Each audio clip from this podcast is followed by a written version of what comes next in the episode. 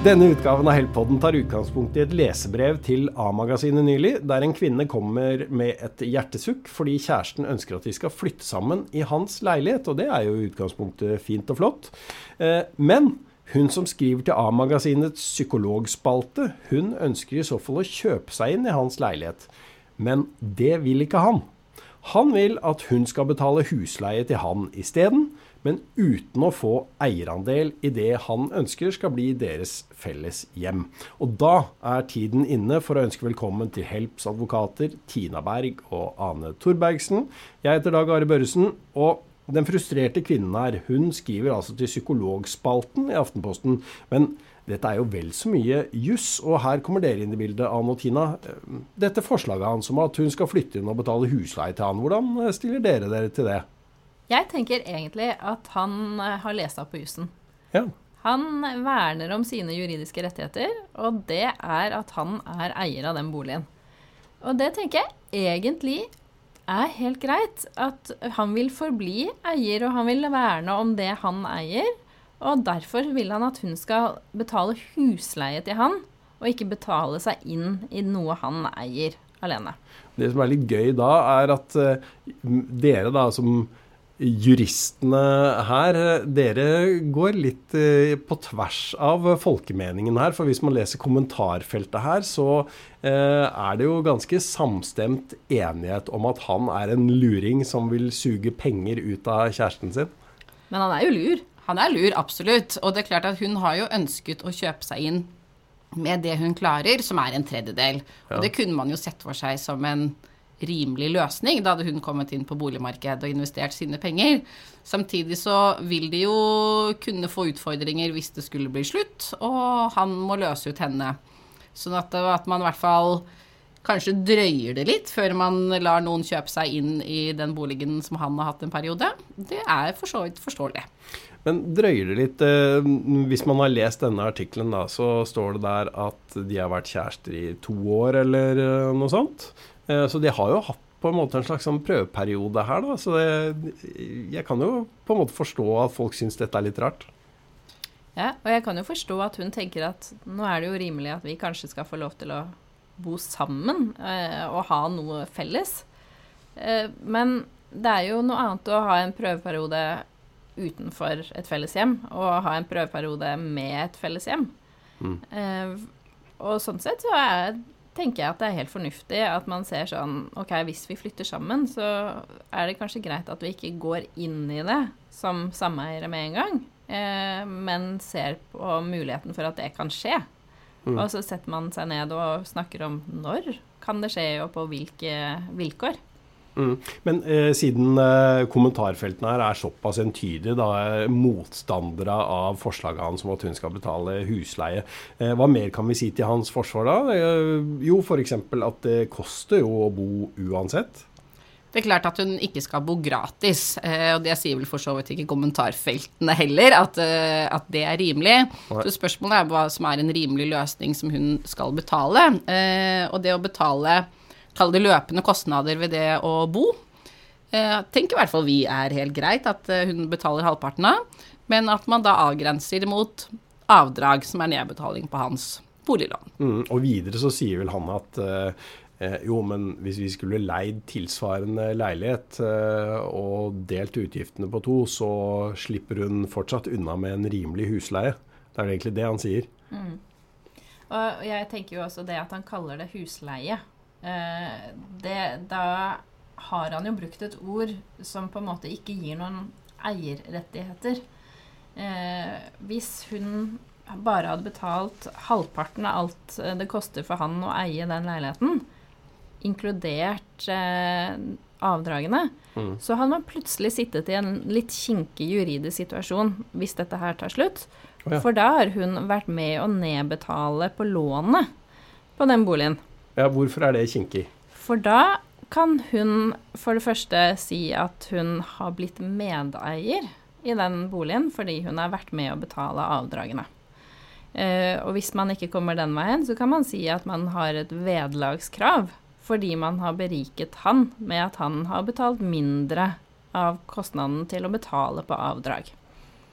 Så når han kaller det husleie, så vrir han jo seg ut av hele den problematikken ved at det er en ren leiekost som han skal ha. Og når det ikke da eh, Og da er jo ikke det på en måte en kostnad til lånet. Men kan man si at de er litt på vei ned den gata der allerede, ved at når hun betaler halvparten av boutgiftene, så frigjør jo det kapital som han kan bruke til å betale ned ekstra på lånet sitt, om han vil det? De, de bør jo i hvert fall ha noe skriftlig her. ikke sant? Uansett hvilken løsning de ender opp med, så anbefaler vi jo begge parter her at man får inngått en skriftlig samboeravtale der de tar tak i disse problemstillingene og faktisk regulerer noe rundt det. For der vil man jo spesifikt kunne avtale at hun ikke skal opparbeide verken rettigheter knyttet til eierskap eller vederlag. Eh, og da har man jo en forutsigbarhet for begge. Um, med tanke på et eventuelt senere brudd, eller også for så vidt ved dødsfall. Altså at man vet hva som gjelder.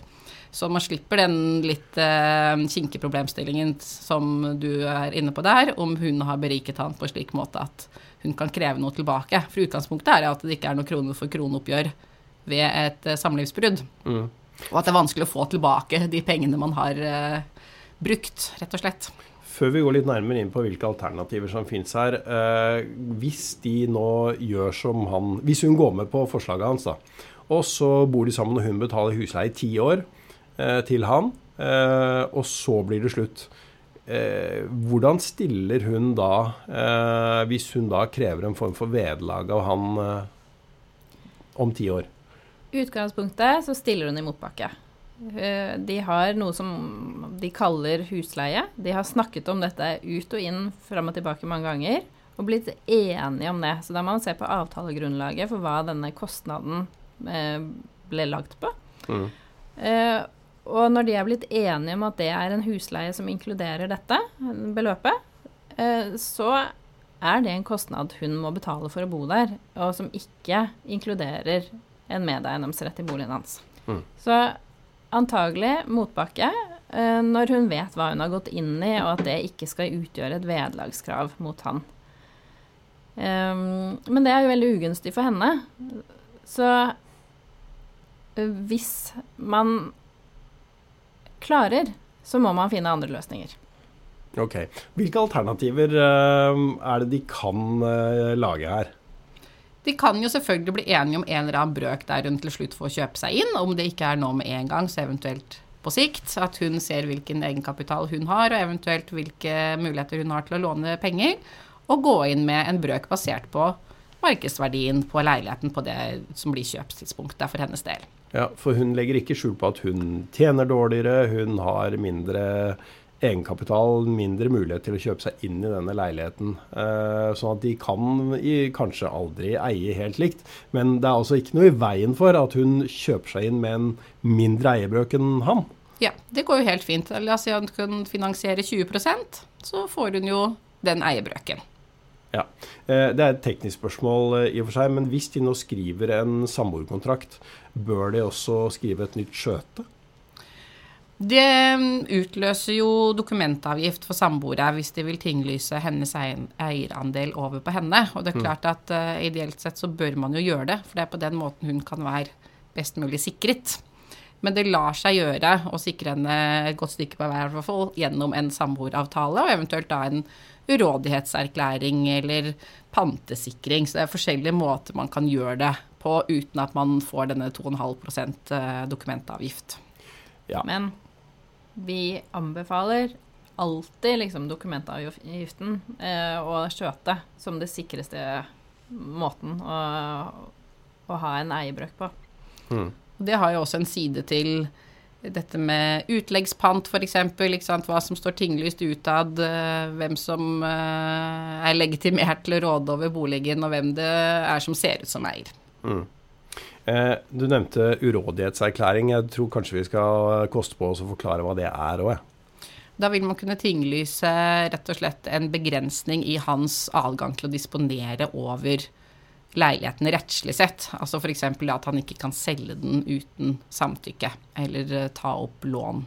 Vet ikke hvor tekniske vi skal bli, men uh, anbefaler dere noensinne en slags sånn derre gradvis At man vinner eierandel litt over tid? Uh, at hun flytter inn på en slags prøvetid, på en måte? da, At hun opparbeider seg en eierandel over et visst antall år? Det er jo noen som skriver den typen samboerkontrakter òg. Det lar seg gjøre. Det lar seg gjøre, og vi har gjort det. Men det er vanskelige avtaler å sånn, få på plass eh, både vilkårene og konsekvensene av det. For det må stemme. Én ting er at man tenker at dette er veldig fornuftig, og så må man kunne stoppe av midt i, på en måte, og si OK, dette skar seg. Eh, nå har det gått tre av de ti årene som vi hadde en opptrappingsavtale på. Hvor står vi nå, og hva innebærer det av innbetalinger, og hva er egentlig eierbrøken akkurat nå? I forhold til verdien. Mm. Så det skaper noen, eh, noen, små problemer som man også må klargjøre ganske tydelig underveis. Ja, det kan skape flere konflikter eh, egentlig enn man kanskje har eh, sett for seg. Um, har vi da vært igjennom sånn cirka de valgmulighetene dette paret har? Eh, kanskje rent bortsett fra at de ikke flytter sammen, da. De kan jo, som hun også er inne på, velge å selge hans leilighet og kjøpe noe helt annet sammen. Ja. Eh, det er jo en mulighet. Det Høres ikke ut som han har så veldig lyst han til det. Han har ikke lyst til det, så det er ikke sikkert det er en reell mulighet. Men som vi var inne på innledningsvis, altså samboeravtale er til eh, nytte for begge her.